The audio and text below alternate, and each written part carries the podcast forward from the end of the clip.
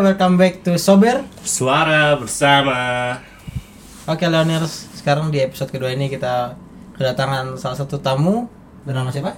Ah, biasa. Abiasa. Nah, Abiasa ini adalah seorang mahasiswa ya? Udah lulus. Oh, udah lulus. Udah lulus. Udah lulus. Nah, buat opening nih, dulu nih, gimana nih kabarnya nih? Alhamdulillah baik. Eh, gimana? Lagi sibuk apa sekarang? Sekarang gue sih sibuk nganggur sebenarnya ya. Hmm. Soalnya pada dasarnya gue gak ada kerjaan yang tetap. Cuman berhubung karena banyak yang minta gue menggambar atau kayak gitulah, akhirnya gue memutuskan untuk nge-freelance dulu sekarang gitu. Oh, biasa lebih ke freelance mengenai gambar gitu ya. Iya. Terus, lu uh, freelance-nya tuh itu nggak nentu kayak misalnya seminggu ada sekali apa gimana frekuensinya? Kalau gue yang udah gue alami sekarang sih, alhamdulillah tiap minggu tuh bisa lebih ada tiga atau empat ya tiap minggu Hmm. yang gue kerjain. Tapi nggak semuanya skala besar, kadang-kadang cuma sekali gambar tuh bisa setengah jam atau yang ada satu yang bisa seminggu langsung gitu.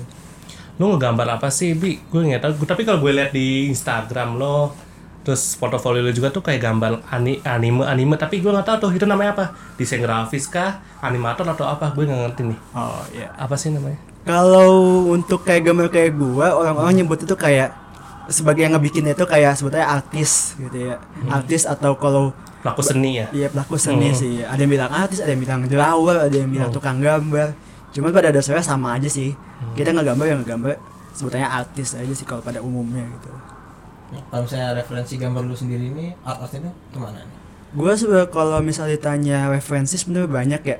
Kalau lu ngelihat gambar gue aja mungkin tiap gambar tuh stylenya beda karena gue masih belum bisa ngasih style gue yang banget banget kelihatan gitu. Cuman kalau dibilang referensi, gue tuh beberapa ya kayak misalnya kalau untuk orang gue pengen banget kayak namanya itu Shigenori Soejima yang Iya. bikin Persona tahu game Oh Persona? iya, pesona. Iya, Persona. Dia itu yang bikin uh, desain untuk orang-orangnya Hmm. tiga empat lima kemudian kalau untuk karena untuk gua sekarang banyak commission mobil ya sebenarnya banyak referensi mobil-mobil yang keren di, Insta- di Instagram. Cuman kalau untuk secara umum mungkin kalian tahu inisial D Ah Iya. iya, game legend ya. ini ya Legend itu banget. Shuichi Shigeno. Cuman kalau ada lagi yang lebih gampang kayak Mame Ozizo kalau di Instagram atau San Mamiya itu dia gambar-gambar mobil kartun yang simple cuman keren gitu loh kalau dilihatnya. Lu gambar nih dari kecil emang hobi apa tiba-tiba lu kayak lagi gabut ah gue bosen lah gambar lah. Eh lama-lama jadi passion lu tuh gimana ceritanya Eh, gua dari kecil emang suka gambar Woi. cuman Hmm. eh sempat hilang karena kegabutan gua. Gak mau nge- ngerjain macem-macem lah main game aja udah. Kemudian tiba-tiba nongol lagi pas lagi gua s- kuliah di mana gua mikir aduh pengen duit nih. Hmm. atau gua pengen duit sebenarnya? Kalau kalau kalau ini aneh. Pengen ngerjain sesuatu sebenarnya pengen ngerjain sesuatu aja. Ya udahlah gue akhirnya nabung beli pentap karena temen gue banyak yang ngegambar-gambar secara digital gitu. Akhirnya gue memutuskan untuk mulai nggambar digital. Itu sekitar tahun 2016 2016 lu itu mulai. awal pakai mouse.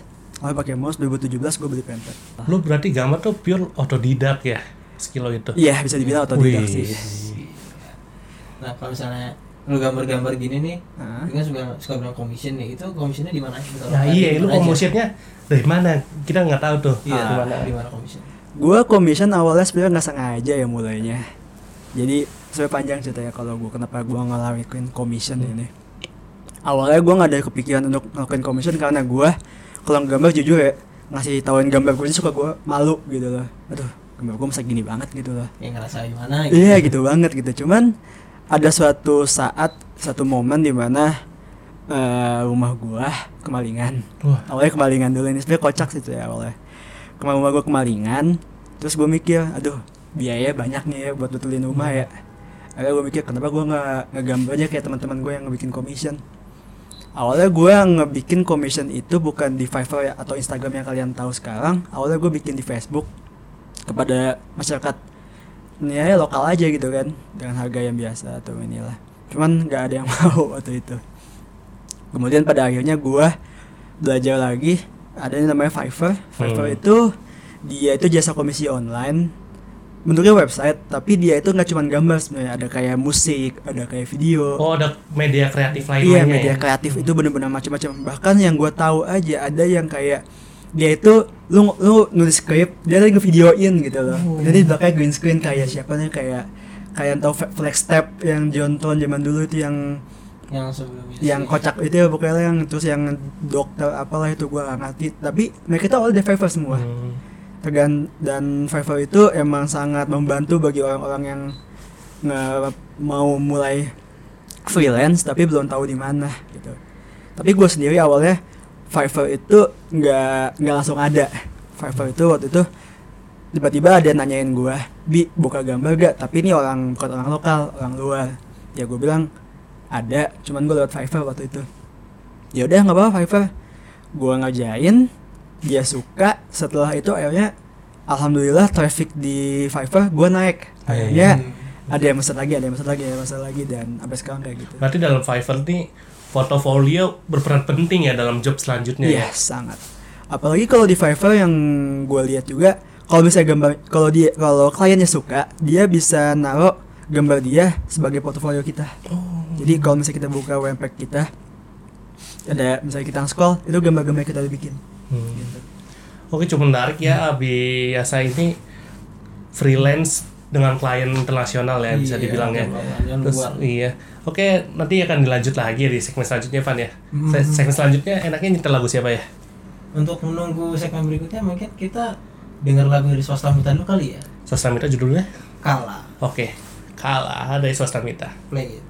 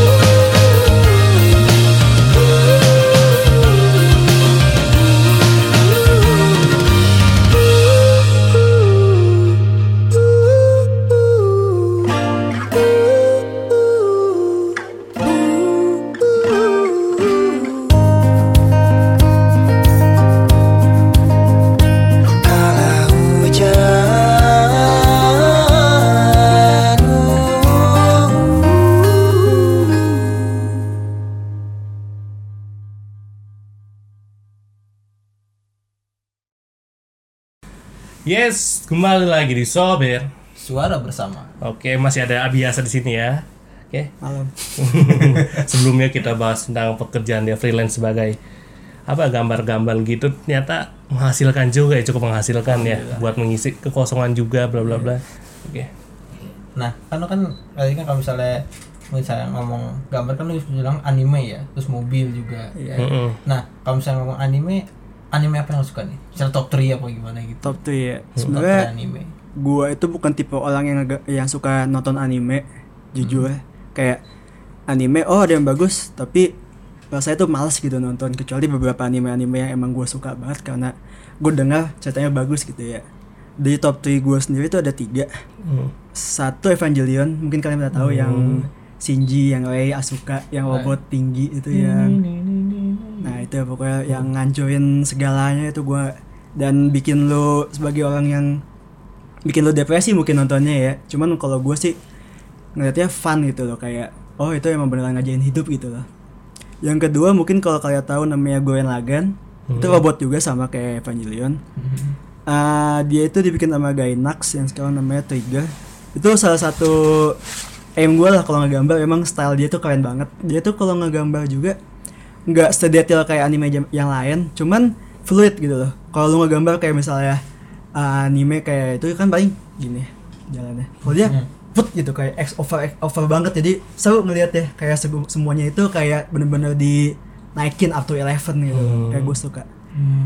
Yang ketiga itu mungkin yang favorit gue of all time itu namanya Steins Gate. Uh, Steins Gate itu anime tentang time travel. Awalnya bukan dari anime sebenarnya dari game, cuma dijadiin anime. Dia time travel uh, dilatar dengan kehidupan yang sebenarnya nggak fantasi kayak anime kebanyakan. Dia itu kayak kita aja gitu kayak anak kampus uh, mau bikin apa mau bikin mesin waktu karena iseng gitu. Ya, macem-macem lah itu dan dia itu banyak referensi kayak referensi yang real life kayak kalau kalian pernah dengar tentang John Titor yang uh, manusia yang jalan waktu kayak John Titor tahun 2002 IBM gitu-gitu dah itu Iya, iya. Itu kan zaman dulu banget deh historinya nah itu dia diangkat lagi sama Steins Gate itu yang gue bikin suka Tapi menarik ya biasa tuh ngomong dia lu tuh termasuk jarang nonton anime ya. ya Bisa dibilang. ya. Tapi lu bisa nggambar anime itu sendiri. ya alhamdulillah Nah, ini menarik sih. Gue jadi inget salah satu komedian di Indonesia eh, bisa dibilang itu udah terkenal. Gue nggak mau nyebut namanya. Dia tuh ngaku dia tuh eh stand up komedian, tapi nggak pernah ketawa sama kontestan lainnya karena dia mencena kayak gitu. Apa lu semacam seperti itu dari lu tonton? Ah, gua gambar lah gini. Apa cuma kayak nggak nonton atau menggunakan imajinasi saja buat ngegambar apa gimana? Hmm. Kalau ngegambar gue mungkin jarang banget kayak uh, pure dari imajinasi gue banget gitu ya. Karena mungkin gue pernah, cuman kebanyakan gambar-gambar gue itu diambil dari kayak ada yang yang udah ada, kemudian gue uh, apa namanya namanya sebutannya itu ATM. ya ATM. ATM, Ya, ATM. ATM. Uh, jadi gue lihat, gue olah lagi dan gue hasilkan karya Hmm. itu mungkin yang gue lakuin sekarang dan mungkin paling comfortable buat gue karena ya itu yang gue lakuin dan bisa gue lakuin dengan cepat dengan mudah dan lebih optimal ngerjainnya gitu Itu berapa lama tuh kalau misalnya gambar? Misalnya yang tadi udah bisa udah ada nih terus lu ATM gitu itu berapa lama tuh? tergantung mood sih sebenarnya Tergantung mood. ya gue ngegambar pernah ada sampai sebulan ada yang gue kerjain setahun sampai Wow, kelar-kelar setahun gitu. Iya. cuman kalau gue wah gue seneng nih gambarnya terus gue pengen kelarin ya setengah jam juga kelar mungkin Hmm, mood ya berpengaruh. mood banget ya Terus kalau misalnya tadi kan bicara tentang Fiverr, lu bilang lu punya pernah nih dapat klien orang luar gitu kan. Nah itu kalau nggak salah kan gue juga pernah lihat itu nggak salah dia pakai transaksinya misalnya mata uangnya internasional ya. iya Dolar bukan sih? iya dolar Dolar ya. Nah itu transaksinya gimana tuh misalnya? Sebenarnya kalau untuk transaksi duit eh, asing zaman sekarang tuh gampang banget ya.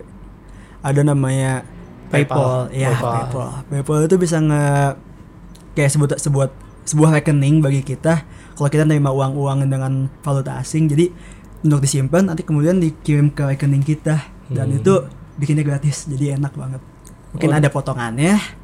Cuman seenggaknya tuh ada penyalo penyalurnya gitu loh yang bisa bikin kita enak gitu. Kan tadi kan udah ngejelasin tuh dari dari pekerjaan lo kan ada yang setahun kan ada yang ngerjain setahun kan segala macem. Itu pernah gak sih kayak ada komplain misalnya kok gambarnya lama banget sih? Gitu. Kok gambarnya gini? Oh pernah gak sih lo dapat klien seperti itu? Komplain banyak sebenarnya. Banyak? Banyak. lo nanggepinnya gimana tuh kalau ada klien kayak gitu? Eh, gua awalnya sih mungkin karena kebawa emosi juga kadang-kadang ya ya mau kayak gini juga gitu. Cuman kadang gua introspeksi diri ju- introspeksi in- Introspeksi. diri. nah itu eh, bahwa gua itu ya harus dengerin omongan orang lain juga gitu loh ujung-ujungnya akhirnya ya adalah terima aja gitu. Ya ada dengan dan lagi dia mau ubah apa ya gua kerjain aja terus gua kasih hasilnya gitu loh. Dia suka alhamdulillah dia nggak suka ya maaf gitu loh. Cuma alhamdulillah kebanyakan suka sih hasilnya kalau saya belakangan ini lu lebih sering klien luar apa dari da- dalam negeri? Semua alhamdulillah luas sih. Semua lagi luar ya? Luas semua. Nah, gua ada- nggak pernah nerima dalam. Bukan nggak pernah sebenarnya belum pernah. Makanya gue pengen dalam cuman belum ada yang mesen di gua di dalam. Iya. iya Nah, makanya kalau misalnya hari kan lu belum ada- belum pernah apa belum belum pernah malah ya dapet di dalam ya? Belum. Nah menurut lu sendiri nih apa karena itu seninya di Indonesia tuh under appreciated apa apa justru over appreciated mungkin karena gua sendiri yang nggak terlalu ngiklanin kali ya. Cuman kalau di Indonesia sendiri yang gue lihat bahwa orang-orang kayak gua misalnya kayak nge freelance ngegambar itu nggak terlalu menghasilkan apa namanya ya uang bukan uang sebenarnya kalau kasarnya tuh kayak menghasilkan timbal balik yang bagus. Jadi kalau misalnya kita ngegambar yang kita dapat itu kayak cuma sekedar untuk makan doang nggak bisa untuk ngehidupin hal-hal yang lain kalau intinya tuh dalam duit freelance freelance yang lo dapat tuh buat sek- sekunder lah ya bukan Iya. buat primer lah ya Alhamdulillah kalau misalnya gue di luar itu bisa ngehidupin gue yang lain-lain lah nggak cuma ini cuma bisa gue bisa gue sendiri tapi bisa buat orang lain kayak nyokap bokap gue untuk gue kasih atau apalah. Kan biasa nih bisa dibilang tuh pelaku artis ya, ya kan? Pelaku seni ya kan? Ngegambar-gambar terus misal nih lu sebagai seniman nih seni lu tuh dibilang jelek men. Lu nanggepinnya gimana? Karena menurut gue ya seni itu nggak ada yang jelek. Ada itu tidak sesuai ekspektasi. Ya, gue ada tuh. setuju sih sama omongan lu ya soal Hmm. seni itu relatif sebenarnya. Ada yang Iya. bilang jelek ada yang bilang enggak. Gue banyak eh, ngelihat gambar-gambar seni yang sebenarnya orang bilang ah jelek banget sih nih kayak eh, perspek apa perspektifnya nggak jelas atau kayak anatominya nggak jelas. Cuman Hmm. gue ngeliatnya suka gitu loh kayak dia tuh gue bisa ngeliat bahwa dia ngegambar ini bener-bener passion banget Hmm. dia tuh pengen ngegambar ini mungkin karena mungkin skillnya belum ada cuman gue bisa nangkep eh, apa yang dia pengen digambarnya dan itu gue sangat apresiasi dibanding dengan orang yang cuman bilang ah enggak jelek atau apalah itu gitu bahkan banyak yang gambar yang banyak orang bilang bagus tapi jujur gue nggak terlalu suka gitu loh Hmm. emang masalah selera sih selera Selera, ya iya. jatuhnya depends on selera iya ya art itu sangat selera banget Hmm, bener-bener Iya. Kalau misalnya gambar orang kalau misalnya gambar-gambar gitu kan ya ada yang bilang katanya oh, orang kalau gambar kalau gambar tuh atau pelaku pelaku seni gitu misalnya atau apa kayak tuh kayak kalau bikin sesuatu tuh kayak harus menyendiri gitu. Iya. misalnya kayak sutradara Joko Anwar gitu nah ya iya baru ini dia pernah statement Nah, ya. dia pernah bilang katanya waktu nulis skrip film yang mau tayang di Gundala nih Iya. Gundala dia bilang katanya dia nulis skrip ini katanya di museum sama kuburan. Dan dia menyendiri gitu iya. selama berbulan-bulan. Kalau menurut gimana? Apa emang harus menyendiri apa gimana kalau gue bilang tergantung orang ya cuman kalau gue buat gue sendiri itu emang gue tipe orang yang nggak bisa ngegambar kalau misalnya ada orang yang ngeliatin. Hmm. jadi emang gue mungkin salah satu tipe tipe tipe yang masuk ke dalam yang pengen menyendiri kalau misalnya melakukan satu sesuatu. Cuman gue nggak se ekstrim Joko Anwar sampai ke kuburan atau sampai ke ini. Ya paling mungkin gue cuma di kamar tidur bengong. Terus ya buka YouTube ya kadang-kadang tiba-tiba kepikiran oh iya kayak asik untuk digambar atau apa ya kayak nyoba lah gitu. Tiba-tiba nongol aja kalau misalnya lu bengong tuh kalau di gua itu kayak pikiran gua nggak pernah berhenti kayak aduh pengen nyoba lain pengen nyoba pengen nyoba lain meskipun gua kelihatan bengong gitu. Sangat asik ya bahasan dari biasa ini Pan ya. Bener Ya. banget menarik banget. Kayaknya kita break dulu kali ya di segmen dulu dua. kali ini. Enaknya tuh nyetel lagu ini ya ice cream ya ice cream rahasia. Rahasia. Iya. check this out. Let's play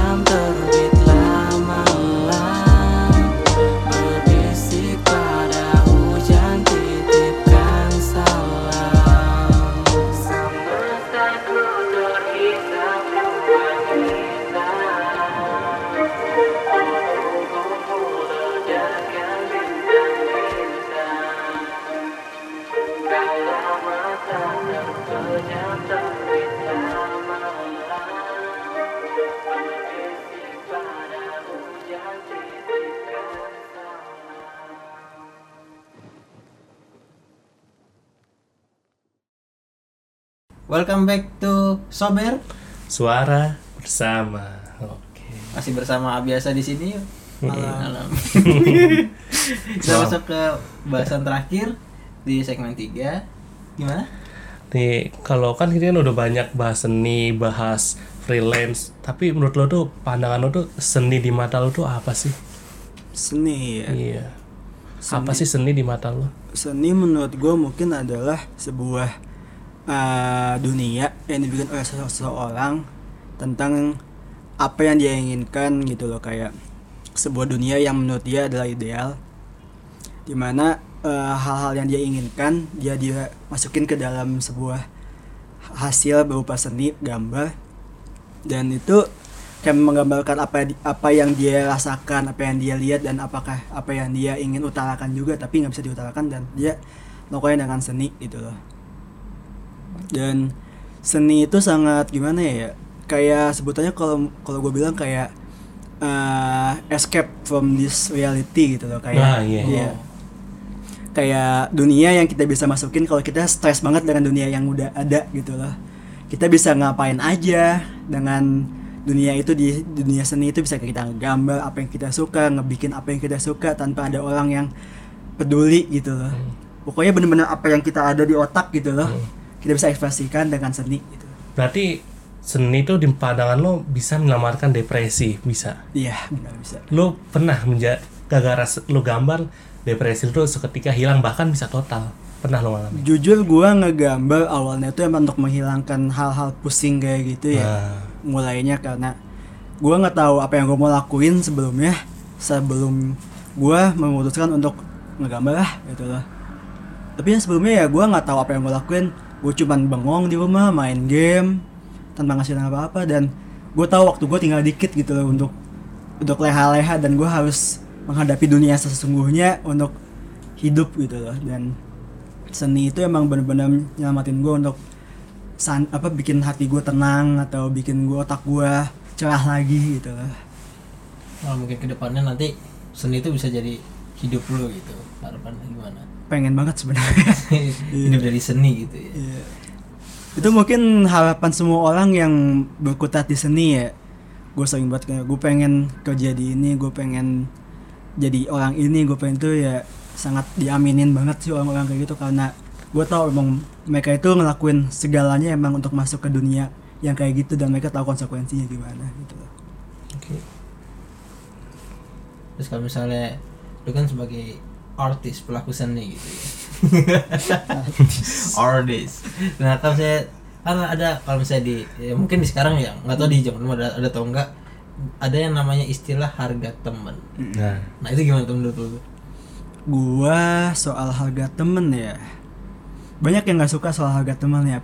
Apalagi kalau lu lihat di sosial media uh, Ngomongin harga temen tuh bisa ngebikin lu famous di Facebook Minimal Iya. sehari. Soalnya lu ngepost soal harga temen minimal 1000 orang share di Facebook. Dan itu bisa angkat nama lu lah seenggaknya gitu lah. Cuman kalau menurut gue pribadi mungkin karena gue beruntung gue punya teman-teman yang banyak berkutat di seni dan tahu gimana susahnya hidup di seni. Jadi soal harga teman itu kayak sesuatu yang lumrah gitu loh kita bisa saling ngebayar dengan seni kita sendiri gitu loh dan nggak ada permasalahan gitu kalau di tempat kita mah. Kalau buat kita ya soal duit mah soal belakangan yang penting passion dulu gitu loh. Cuman banyak teman-teman gue yang emang nggak ngerti juga soal gitu dan emang harus kita kasih tahu juga bahwa bukan begitu waktu eh, caranya untuk ngebayar apa yang kita lakuin gitu loh. Sebenarnya pada dasarnya harga teman itu kayak apa ya namanya ya kayak kesalahpahaman aja sih gitu loh. Salahpahaman antara view kita dengan view orang lain yang sebenarnya nggak ngerti kita. Cuman kita nggak bisa salahin dia karena mungkin dia emang nggak tahu iya, gitu. karena dia nggak tahu Nggak juga tahu, iya. dalamannya ya kan. Iya, Begitu. jadi emang harus ditanggapi dengan Setuju, santai setuju. atau Hmm. kayak jelasin aja lah kenapa harga teman itu salah gitu Mm-mm. loh pada dasarnya mungkin itu bagian dari suka duka freelance juga ya atau pelaku seni ya kalau ada yang minta harga temen ya Mm-mm, bener-bener Oke. banget nah ini ada pertanyaan wajib ya Van ya Signature. Nih, signature Asli. kita five things before you die before you what die is it ya da- danya juga kapan ya? Lima ke satu. Lima banyak banget ya sebenarnya. Yang satu mungkin gue pengen hidup tenang ya. Tenang. Hidup tenang. Itu hidup tenang itu hidup yang bener-bener sangat ideal bagi gue Hmm. mau gimana juga mungkin apa yang gue dapat apa yang gue terima apa yang gue lakuin kalau misalnya gue tenang gue bakal bahagia sih. Itu yang kedua hidup bahagia buat gue sendiri. Oke itu bagian tiga? Ketiga eh, bahagian keluarga yang pasti. Wah iya bagian pasti. keluarga itu salah satu hal yang bisa bikin gue bahagia jujur. Bisa gue kasih hal-hal yang mungkin kalau sekarang gue nggak bisa ngasih apa-apa ya selama selama gue masih kayak gini. Cuman in- ya semoga bisa hasil yang hasilin hal-hal yang lebih besar Mm, lagi untuk orang tua gue ya. Yang keempat mungkin ngebahagiain teman-teman gue Wis. teman-teman gue itu mungkin yang sangat eh, berjasa bagi gue bagi sampai sekarang. Karena gue nggak bakal mulai komis kalau misalnya teman gue nggak ada yang nyuruh gue bi gambarin gue fan art dong. Itu awalnya. Itu awalnya gue gambar fan gambar digital dengan mouse yang seadanya dan gue ngasih aduh suka banget. Kenapa lu nggak gambar lanjutin aja bi? Itu itu titik yang bikin gue sangat mengapresiasi soal temen. Soalnya bisa temen lu ini sampai sekarang masih berhubungan? Masih berhubungan. Kita si Adap dong yang bantuin lu. Ya TBH bisa sensor gak tangan gue kenapa tut TTBH mantep lah pokoknya. Hmm. Kita sampai jumpa di CF13 kita bikin video. tuh Oh. Iya, CF13 kita bikin video di TBH. Itu nama circle gue yang eh circle apa CF13 ini nggak ikut soalnya kita pada mag magang semua males. nggak ada gambar-gambar tapi kita bakal have fun aja di sana Ya. sampai jumpa Wih, Ya, itu temen temen mungkin ya gue yang ngomongin temen lagi nggak Hmm, apa-apa.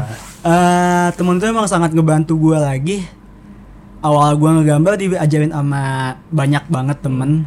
Mulai mungkin kalau kalian pernah lihat eh, namanya Gumime. Gumime itu artis yang pernah mungkin kalian lihat di fan, di Instagramnya Mario Teguh. Lihat nggak? Yang tiba-tiba Mario Teguh kok gambar anime? Tiba-tiba. Hmm. itu dia yang bikin.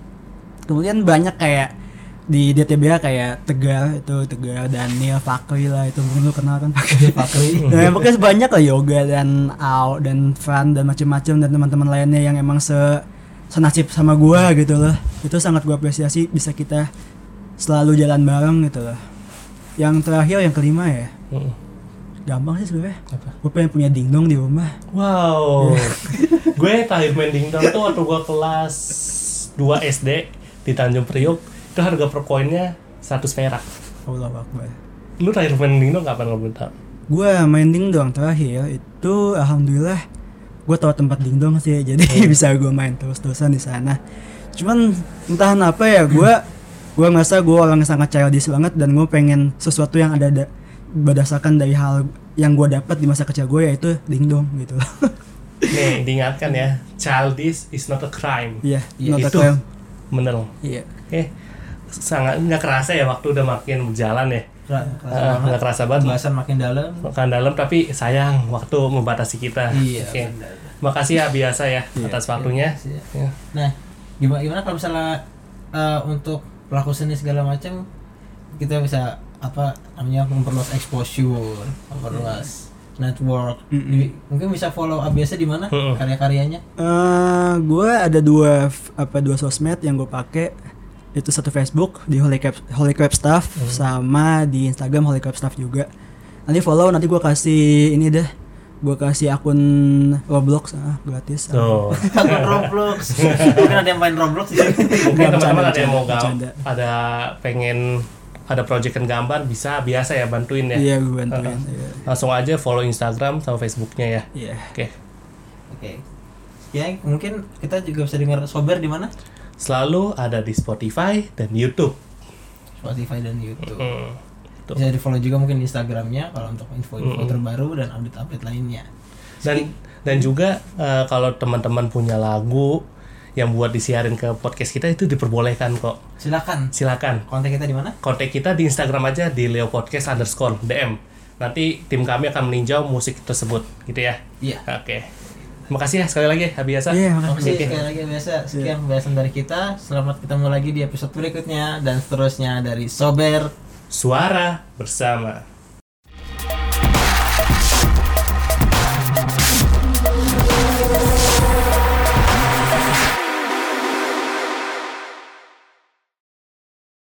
Nanti lu masukin nanti nanti jedor ke bawah kayak gue tadi Seperti 4000 IQ.